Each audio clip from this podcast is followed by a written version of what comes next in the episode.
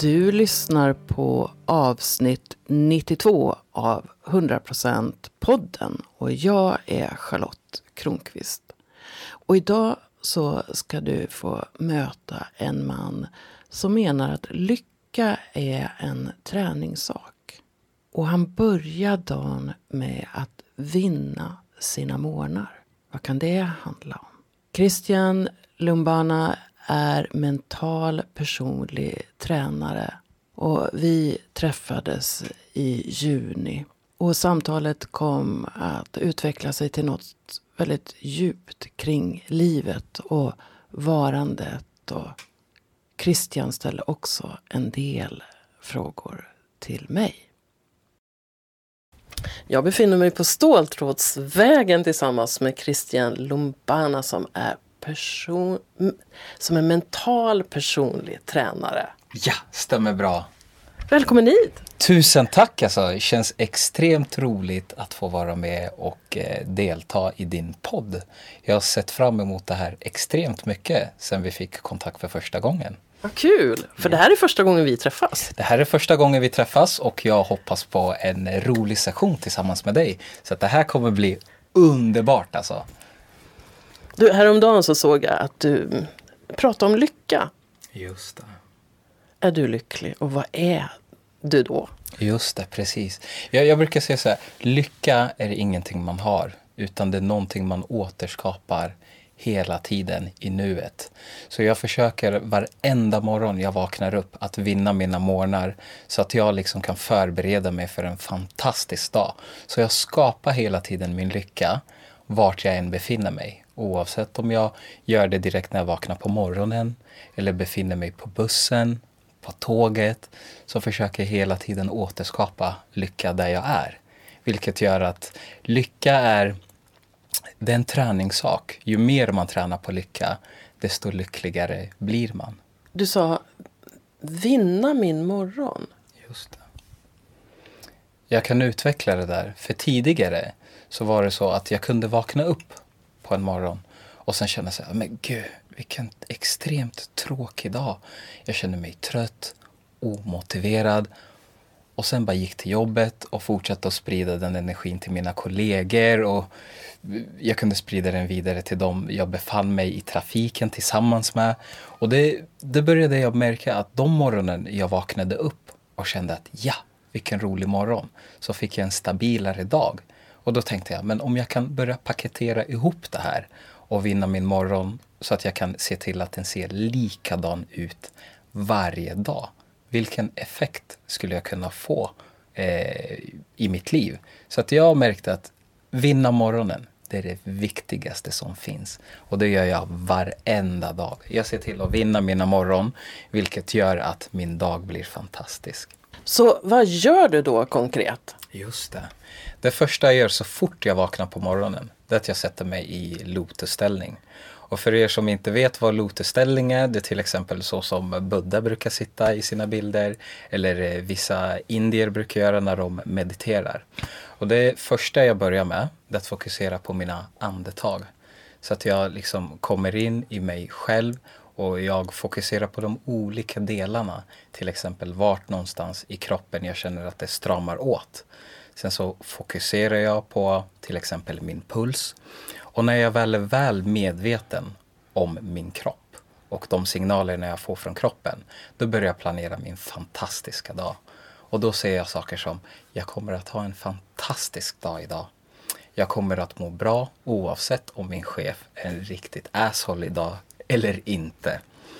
Och på det sättet så förbereder jag min dag och talar om för min hjärna hur jag vill att dagen ska utspela sig. För att i vår hjärna så har vi en del som kallas för RAS.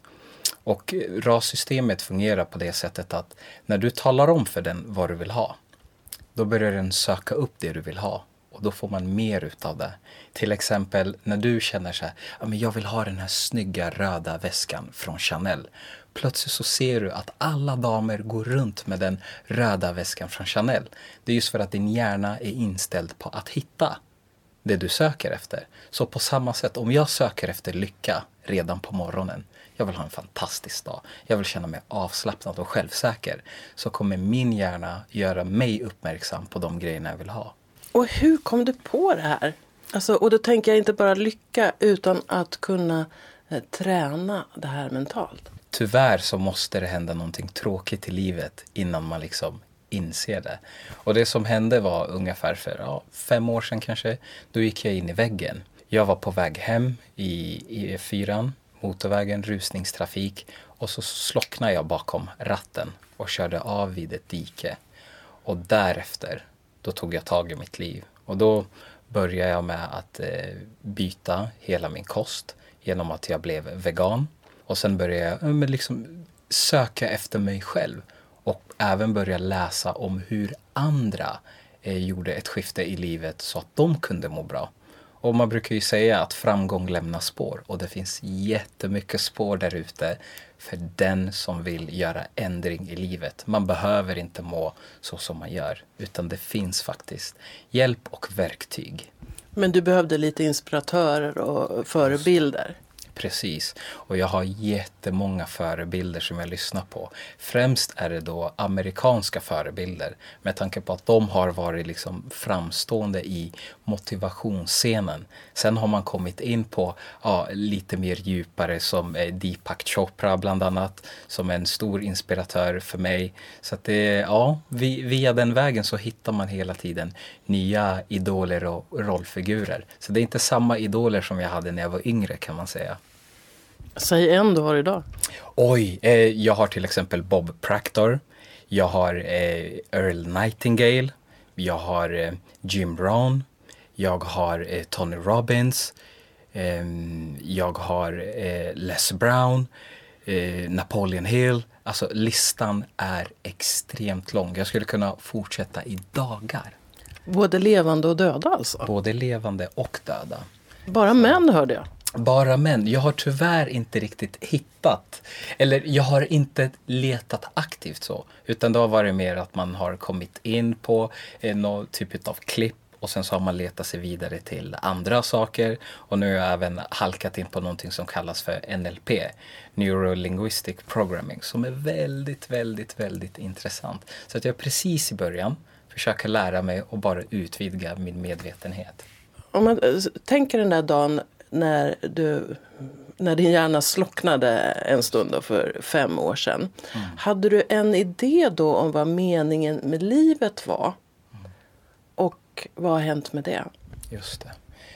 Jag hade faktiskt ingen riktning eller någon mening med livet just i det skedet. Utan det var ju mer eller mindre att jag skulle klättra i karriären. Och det var ju bland annat var därför man inte riktigt lyssnade på kroppen. Utan man körde på som vanligt. Och det var liksom inget konstigt att jag sov fem timmar per natt. Kunde ligga uppe på nätterna och liksom grubbla över jobbet. Och det, det blev ju en del av mig. Och jag insåg inte att det var egentligen kroppens signaler, precis som i en bil när du får upp vakna, en massa... Vakna, vakna! Ja, exakt! Vakna, vakna! Precis som en bil liksom kan ge dig en massa gula varningslampor eller röda varningslampor.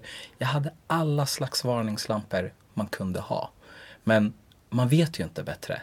Och man kanske inte har de verktygen heller för att fixa de här varningslamporna som dyker upp. Utan man fortsätter på som vanligt och tror att vet, gå in i väggen. Vad, vad är det? Det finns inte ens på kartan. Det var som att ditt inre behövde säga här är nödbromsen. Nu är det dags. Du dör om du inte gör någonting åt det här. Var det typ så starkt? Ja, precis. Nu är det dags. Du dör om du inte gör någonting åt saken. Exakt så var det. Och har livet en mening idag? Livet har en fantastisk mening idag. Och det är verkligen att leva här och nu. Och liksom ta vara på varenda stund man får. Mina kollegor är väl medvetna om det. Vi har ju någonting som kallas för incheckning på jobbet. Där vi får frågor om hur vi mår från en skala 1 till 10. Och jag talade om för dem första dagen jag var med på den här träffen att jag kommer alltid stå på nummer 10. Alltid. Oavsett vilken dag det ännu än är. För jag brukar resonera så här. Om jag mår lite sämre om någon frågar mig Kristen, hur mår du? Fantastiskt bra. För det är en påminnelse för mig att, men vet du vad? Du har mat på bordet. Du har någonstans varmt att sova. Du andas, du kan gå, ta vara på stunden. Så då blir det en påminnelse när jag får den frågan. Så att eh, jag svarar aldrig, nej men jag mår si sådär. Jag brukar säga att jag mår bättre än de flesta. Och då hör jag i bakgrunden ordet tacksamhet. Otroligt mycket. Oj, alltså det, just tacksamhet det utövar jag väldigt mycket i mina meditationer också. Tacksamhet för allting man har hela tiden. Och visst glömmer man bort det ibland. Att man liksom bara, ja men jag har en bil, jag har mat och sen liksom tänker man inte på det. Men ibland så slår det till. Shit, min familj mår bra, jag mår bra, jag har vatten i kranen. Så att det, det, är verkligen tacksamhet som gör sig väldigt mycket påmint i mitt liv. Och jag är väldigt glad att jag har öppensinnade människor i min omgivning också. Vilket gör att de påminner mig ibland när jag själv tappar bort mig. För det gör man hela tiden. Man tappar bort sig själv och behöver centrera sig. Och jag har en omgivning som hjälper till att centrera mig. Så det är väldigt tacksamt. Sen jag upptäckte tacksamhet på allvar och jag tror att det var faktiskt via Oprah Winfrey. Mm. Så, så har mitt liv blivit, så innehåller mitt liv mycket mer glädje. Mm. För att det går att vara tacksam över små saker. Just det här, oh men gud jag andas, alltså lever jag. Jag ser blomman. Solen skiner idag. Eller äntligen blir det regn. Ja, eller vad det nu är. Ah. Och jag tycker att det finns många i vårt svenska välfärdssamhälle som är rätt så gnälliga. Just det, precis. Och som ser, det är som att de inte ser så här, och vi har allt det här utan det är bara någon liten så här detalj som inte mm. är så bra. Och då fokuserar man på den och så kan man välja att bli kränkt eller förbannad eller så. Har du någon reflektion kring det? det? Det är ju jättesvårt med tanke på att vi bor i ett samhälle där det är normalt. Och det, det bidrar ju liksom till att man blir ju påverkad. Om vi bodde i ett samhälle där man skulle vara betydligt mer tacksam för det man har, då hade det sett annorlunda ut. Och, och jag har lite grann en tro att man behöver känna smärta liksom för att kunna haja att jag måste göra en förändring. Och vissa kan göra en förändring genom att den känner sig inspirerad av ett mål. Men vissa behöver göra en förändring för, på grund utav smärta. Så att det, det är en resa alla måste göra själva. Och det är det jag tycker är så himla spännande just med medvetenhet. För det har ett djup och det har så många lager och alla behöver jobba med sig själva för alla besitter den makten att kunna må bra. Visst är det så att du har ett vanligt jobb fortfarande och håller på att utveckla den här mentala personliga tränaren? Precis, stämmer bra. Jag eh, jobbar som projektledare inom bygg som anställd.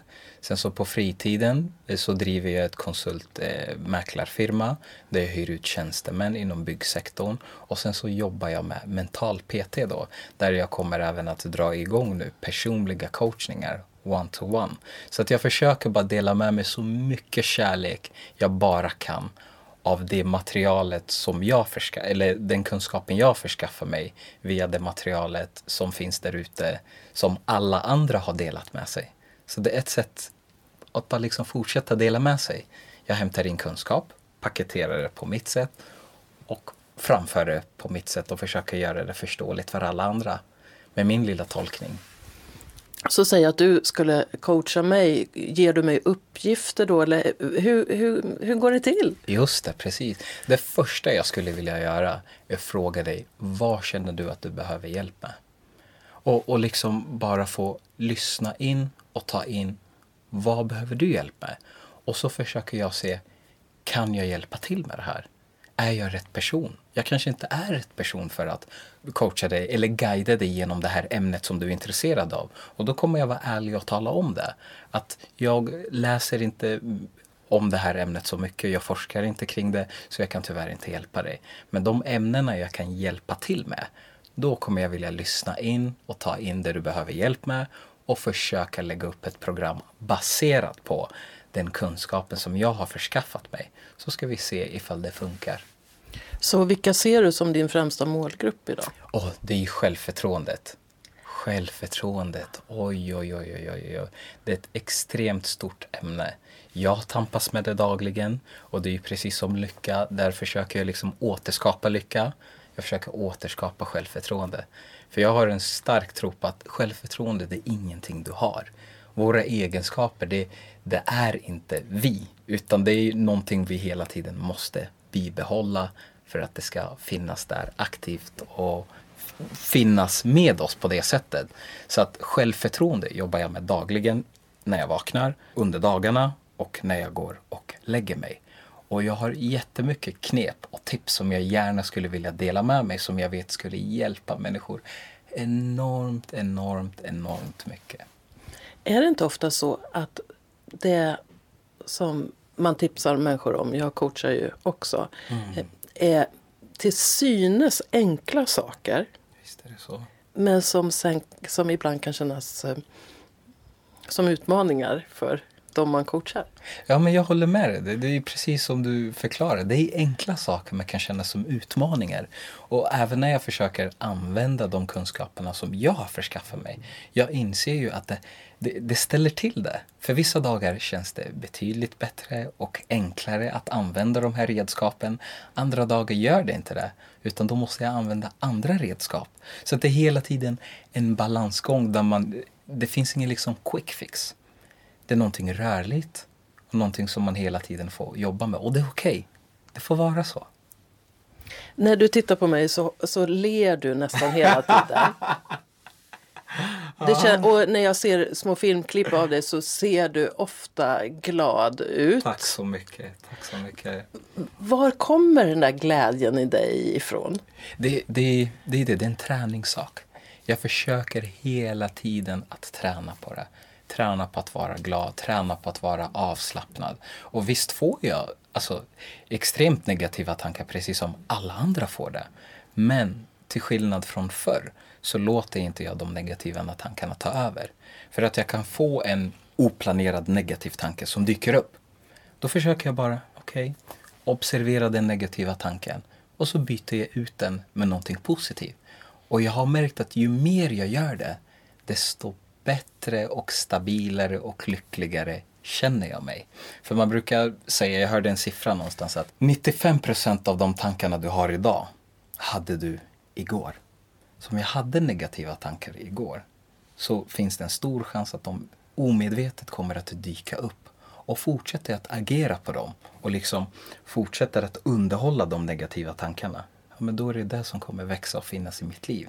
Men varje gång jag får upp en ond tanke och byter ut den mot tre stycken positiva, då har man ju en större styrka i om att man tänker positivt. Så det är en träningssak. Och jag kommer fortsätta att göra det här så länge jag lever. För jag märker att jag mår mycket bättre, min omgivning mår mycket bättre och jag har förändrats som person.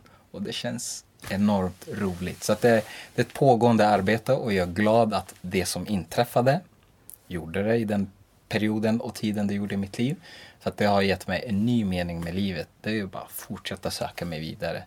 Så att det är extremt kul. Jag brukar fråga mina eh, klienter, tror du på dina tankar?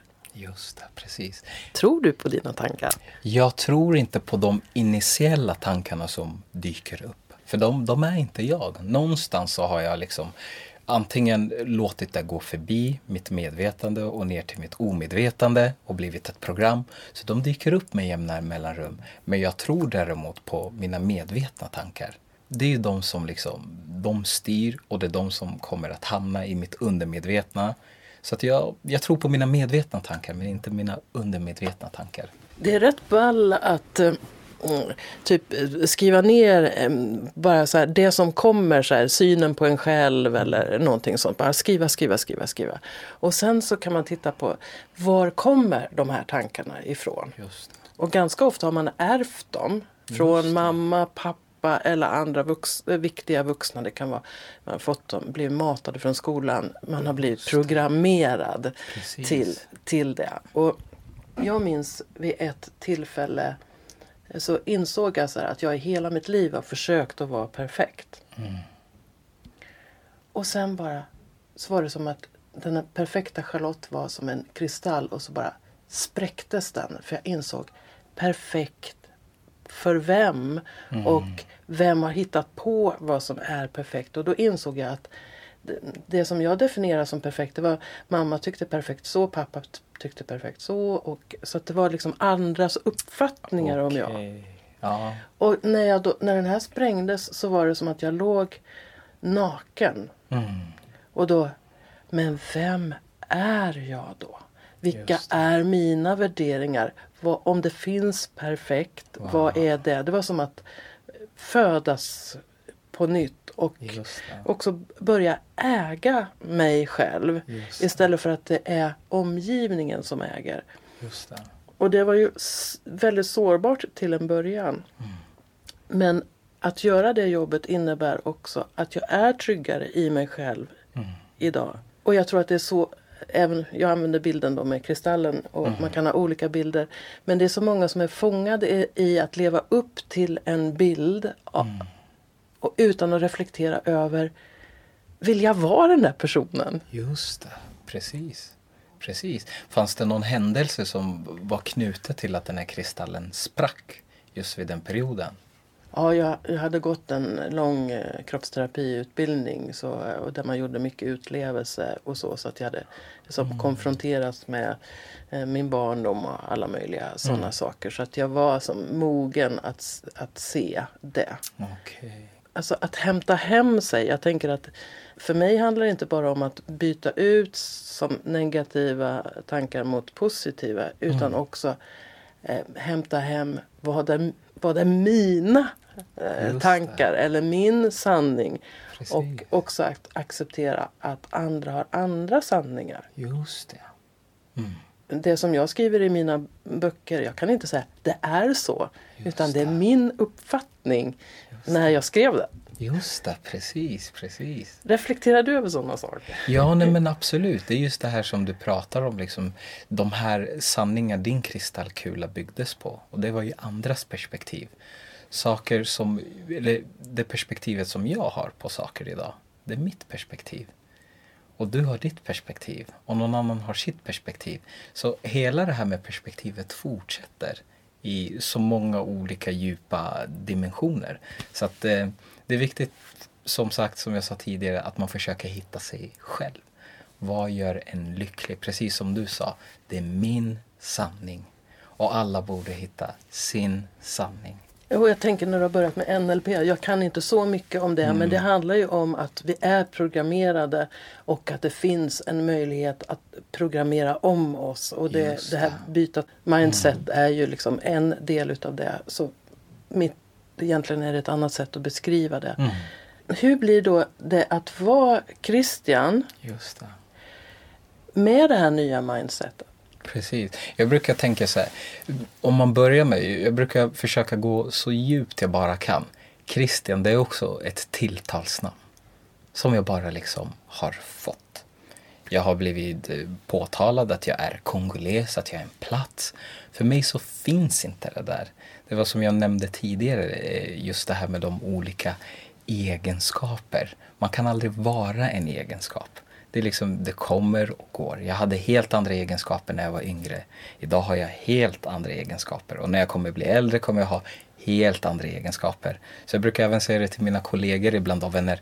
Placera mig inte i fack. För då kommer du bli förvånad från måndag till söndag. Då har jag förändrats som person. Så för mig så finns det inte någon som egentligen heter Christian.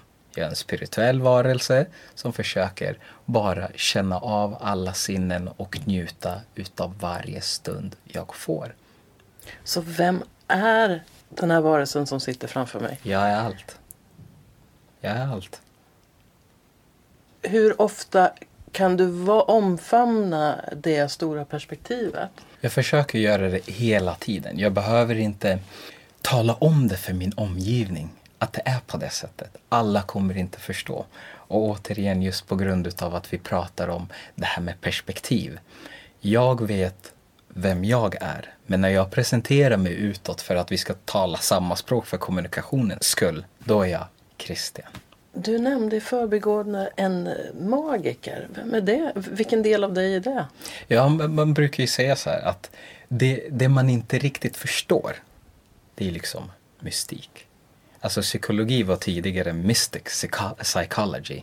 Och på det sättet som jag talar, många skulle tänka sig, ja, ah, men vad konstig filur han är. Ja men bra, då kan ni lika gärna kalla mig för magiker. Placera mig i vilka fack ni vill. Jag tillhör inte de facken. Bara för att liksom samla ihop all hokus pokus under en och samma rubrik. Ja, men säg magiker. Säger du lite grann som, jag, jag tror det är sådana som Wayne Dyer och sådana sagt att vi är andliga varelser som mm. har en kroppslig erfarenhet just nu. Just det, precis. Jag är lite inne på det spåret. Och Wayne Dyer är också en stor idol. Väldigt djup och just det här med Tao the Ching och så vidare. Så att det, ja, häftiga och fantastiska tankar. Alltså jag gick en hel vår och lyssnade på, på hans bok som han själv läste in som heter mm. Excuses Begone. Okej, okay, intressant. Ja. Och den handlar om vilka ursäkter vi, vi använder för att inte göra det vi ska. Mm. Till exempel, jag är för gammal, jag är för ung, jag är för tjock, jag har inte pengarna nog, Nej. det är för jobbigt, det är för Precis. svårt, ingen har gjort det förut. Jag kommer inte ihåg alla, det var ty ja, typ 18 stycken. Ja. Men att läsa på honom, läs, att lyssna på honom eller läsa honom, det rekommenderar jag mm. dig. För att ja. Då kan man se vilka strategier man har för att slippa vara sig själv. Okay, och för att slippa göra det där. Menar, nu fick ju du den här pff, så att du blev tvungen. Men det finns många som det är för svårt att sluta röka. Mm. Nej, säger jag det är inte svårt. Mm. Det är bara att låta bli att ta nästa cigarett. Just det. det är lite förenklat men, men mm. ofta eh, på, på, ett plan är det inte svårare Nej. än så. Precis.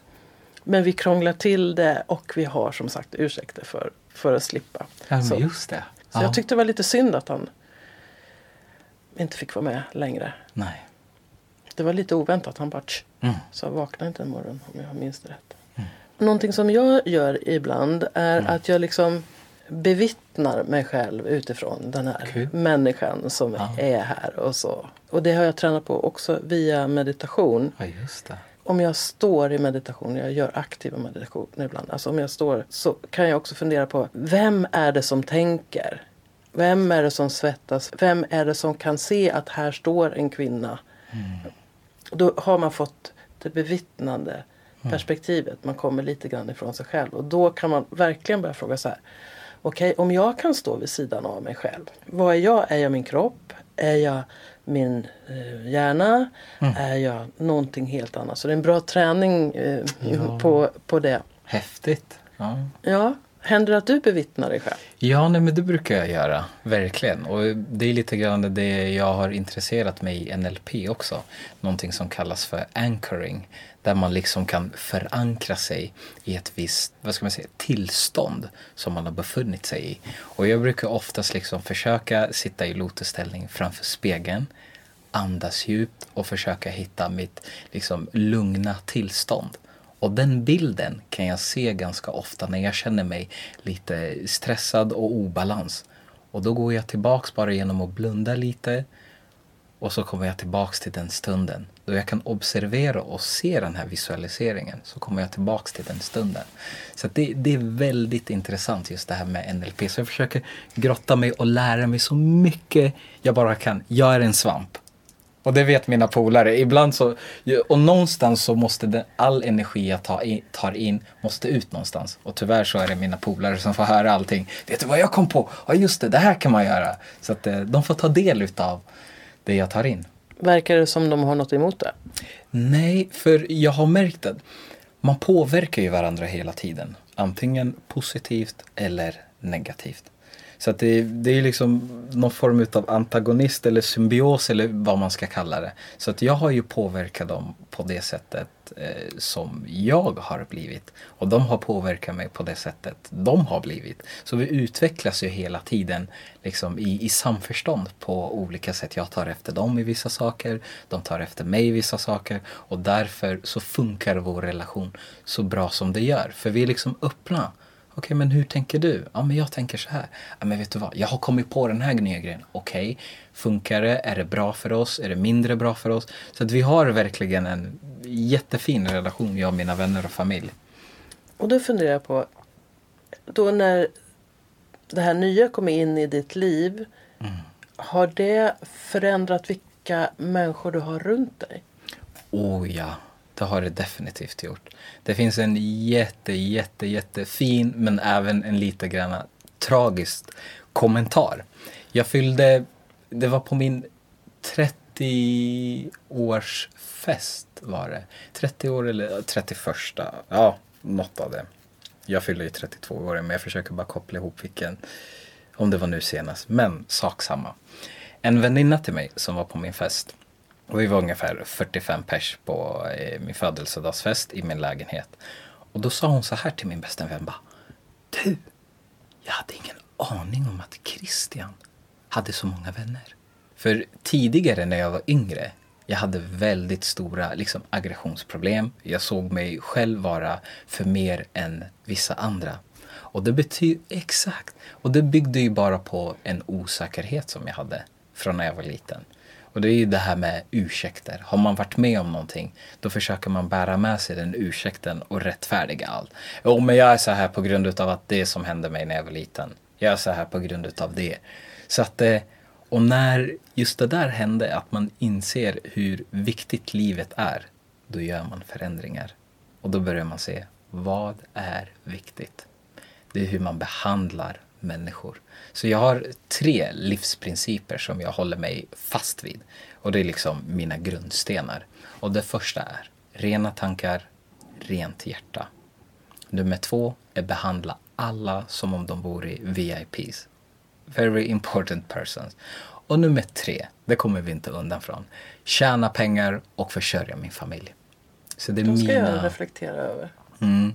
Så det är mina tre stycken livsprinciper, det är mina grunder. Med det känner jag personligen att jag täcker in det jag behöver täcka in. Så rena tankar, rent hjärta, behandla alla som VIPs och tjäna pengar så att jag kan försörja min familj. Det ger mig frid. Och var kommer kärlek in i ditt liv? Kärleken i mitt liv kommer in genom mina tankar. För är jag liksom positiv i mig själv och jag kan ge det bästa av mig själv och jag behandlar andra som VIP. Där har vi kärleken. Att hela tiden ha ett rent hjärta. Det är där kärleken kommer in för min del. Även om min process inte ser likadan ut som, som din mm. så, så var jag mer rädd och sluten och ganska kaxig och kunde vara ironisk och mm. sarkastisk och, och så. Och det var ju för att dölja min osäkerhet. Mm. Så alla tyckte att jag var en, eller många tyckte att jag var en tuffing. Så. Men när jag började som glänta på dörren och söka svaret på frågan Vem är jag? Och så börja visa upp den där som är jag. Mm. Då var det som att jag öppnade mitt hjärta. Mm. Och det jag var rädd för det var att alla skulle springa. De skulle tycka att den som är jag är en hemsk person. Och så upptäckte mm. jag Men det kommer ju fler och fler människor här. Wow. Så det, min upplevelse är att jag får ta emot så mycket mer kärlek. Ja, när hjärtat är öppet. När jag visar mig som jag är. När det är okej okay med sårbarhet. Mm. När det är okej okay med svaghet i vissa ögonblick. När det som finns är okej. Okay. Just det, precis. Och samtidigt är det ju det som så många är mm. så rädda för. Mm. Att visa nu är jag sårbar. Nu är jag rädd. Eller vad det nu är för någonting. Mm. Och så se, ja oh men gud, är du rädd nu Christian? Jag kan, mm. jag kan finnas här för dig en Just stund. Det. Precis. Ah. Och bara, ah. Och det är väl på ett sätt lite och, mm. Jag kan inte säga att jag, att jag behandlar alla som VIPs men, men på mm. något sätt att försöka möta människor som mig och inte försöka vara som Nej. en skådis. Precis, precis. Vad kul alltså. Och, och, och, hur känner du att det har förändrat ditt liv genom att börja bemöta, förutom att det kom in fler människor in i ditt liv när du kunde vara dig själv. Hur har det förändrat det på ur andra aspekter i livet? Jag gör mer och mer saker som kommer ifrån mitt hjärta. Mm jag är mindre brydd om vad andra tycker om mm. mina livsval. Just det. Och jag har börjat kalla mig för kärlekskrigare mm. då. Och då är det ju en del som tycker, men hur kan man blanda ihop de två mm. orden och så. Men det har jag en förklaring på. Mm. Och jag vill stå upp för, för det som jag tycker är viktigt. Och då mm. kan det, det här var större än mig, än, än min lilla fysiska kropp. Eh, och så. så ibland så känns det som att jag har en mission som, som behöver ske. Och när jag tar emot kärlek så ser jag, nej men jag får göra min grej och det är viktigt mm. att jag gör det också. Så Just det är de, de sakerna som man kan säga att ha ett öppet hjärta gör att jag kan förverkliga mm. meningen med livet eller drömmarna eller så. Så det är Just som en uh, synergieffekt. Okej, okay, alltså, så det är någonting större som är med och, och liksom gör sig påmint och uttrycker sig. Absolut. Alltså, ofta när jag skriver så är det som att jag får hjälp från något som är större än, oh, än oss. Häftigt. Jag har varit väldigt oandlig i mitt liv. Men, mm. men hur, hur kan jag veta vad som finns som, som, som är bortom det vi ser? Just det. Hundar hör saker vi inte hör. Alltså mm. det finns hur många bevis som helst på att Just det finns det. något som är större Aha. än vi. Och när man kan börja omfamna det. Mm. Så varför kan man inte få hjälp också? Det, från det. Så det är mer att jag har blivit mer ödmjuk. Ah, och, och då betyder det också så här att jag behöver inte hålla all energi själv. Jag behöver inte klara allt själv. Utan jag kan sätta mig och börja skriva. Mm. Och så får jag hjälp. Just det, precis. Och då blir jag liksom mer avslappnad. Om jag inte tänker så här, jag måste klara allt själv, jag måste klara allt själv, jag måste klara allt själv. Då blir man som, typ som superspänd. Precis, precis. Men om jag tänker så här, om jag är mig själv, om jag Just tillåter det. det att strömma genom mig så kommer jag ah. att kunna ta emot. Just det, precis, precis. För att det ska skickas vidare typ. Det kanske låter superflummigt. Nej, alltså för mig låter det absolut inte super, superflummigt. Utan du, liksom, du får hjälp av, eh, vad, vad är det du vill kalla det, universum eller har du något annat ord som passar dig? Eller som du brukar uttrycka det på? Ibland säger jag universum, ibland mm. säger jag uh, the divine. Men jag har mm. inte, jag har inte så här, någon gubbe i himlen eller Nej, så. Precis. Utan som jag ser det så är vi alla eller jag ska ta den här metaforen. Om, mm. om du tänker dig att du är på jordklotet och sen så bara åker du ut från jordklotet och så, så kommer du ut så det kanske är höjd med solen eller någonting. Då är det mm. en liten, liten, liten, liten blå planet som du ser där. Mm. Och det är ett stort, stort, stort universum och miljoner universum mm. och så. Vem kan säga att vi inte är ömsesidigt beroende av varandra? Mm. där? Man kan också se det som att vi är, är en kropp. Alltså, mm. hur kan vi bråka mm. med varandra? Hur kan vi tjafsa om land? Hur kan vi skjuta på varandra? Mm. Hur kan man... Ja, det blir liksom obegripligt ur det perspektivet. Så vi är som en liten droppe i universum. Mm. Just det. Och på ett sätt så är vi en kropp, eller hur man nu vill Precis. uttrycka det. Mm. Så jag menar, om man tänker sig alla mm. celler vi har i vårt eh, system. De kanske också tänker så här. Ja men jag är en människa som Just håller på. Fast de är liksom på en, en annan nivå. Men, men vi, så, så på det sättet är vi en. Och jag tycker det där med bilden med ömsesidigt beroende är så, mm. eh, så bra. Så jag skulle önska att fler kunde liksom zooma ut ibland och få det här perspektivet. Mm. Så här bara. Men vänta nu. Mm. Precis. Varför ska man slå på sin granne? Ja, varför ska man slå på sin granne? Det är jättekonstigt. Om vi säger att du, att du möter en person som har mycket negativa tankar. Mm. Som känner sig olycklig. Mm. Lite värdelös. Mm. Och som tycker att som, life is shit and then you die. Men det är ändå så här, den har ändå så här, men vänta nu, stämmer det mm. här? Och så mm. kommer den personen till dig. Vad kan vara som en första liten åtgärd eller mm. en practice eller så som den personen skulle kunna göra för att börja känna sitt värde? Mm. Absolut. Innan vi går till det praktiska där så vill jag liksom påtala för alla att det finns inga quick fix. Utan den personen måste vilja förändras för ens egen skull. Att den liksom har kommit till en återvändsgränd och inse, precis som du är lite inne på, alltså jag kan inte fortsätta så här. Det här är inte bra. Och när jag liksom har fastställt att den personen har en vilja och varför har den den här viljan? Vad är det som gör? Och när jag märker att det finns ett stort varför där, då blir det enklare att börja styra, eh, styra skutan åt rätt håll.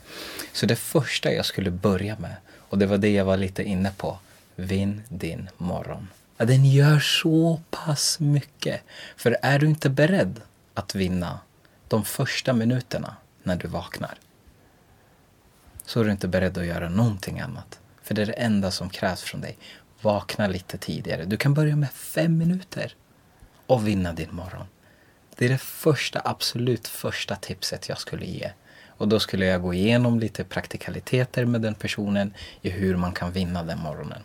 Och så skulle jag tala om för den att testa det i 21 dagar. Och då tänker folk, men ska jag göra det i 25 dagar eller 21 dagar? Vad hjälper det? Och så vidare och så vidare. Du ville göra en förändring. Testa det i 21 dagar. Och börja hålla koll lite grann på dina tankar. För dina handlingar är baserat på hur du tänker. Om du inte är nöjd med det resultatet som du får så måste du börja liksom tänka på dina tankar för det är dina frön till det du ska skörda senare.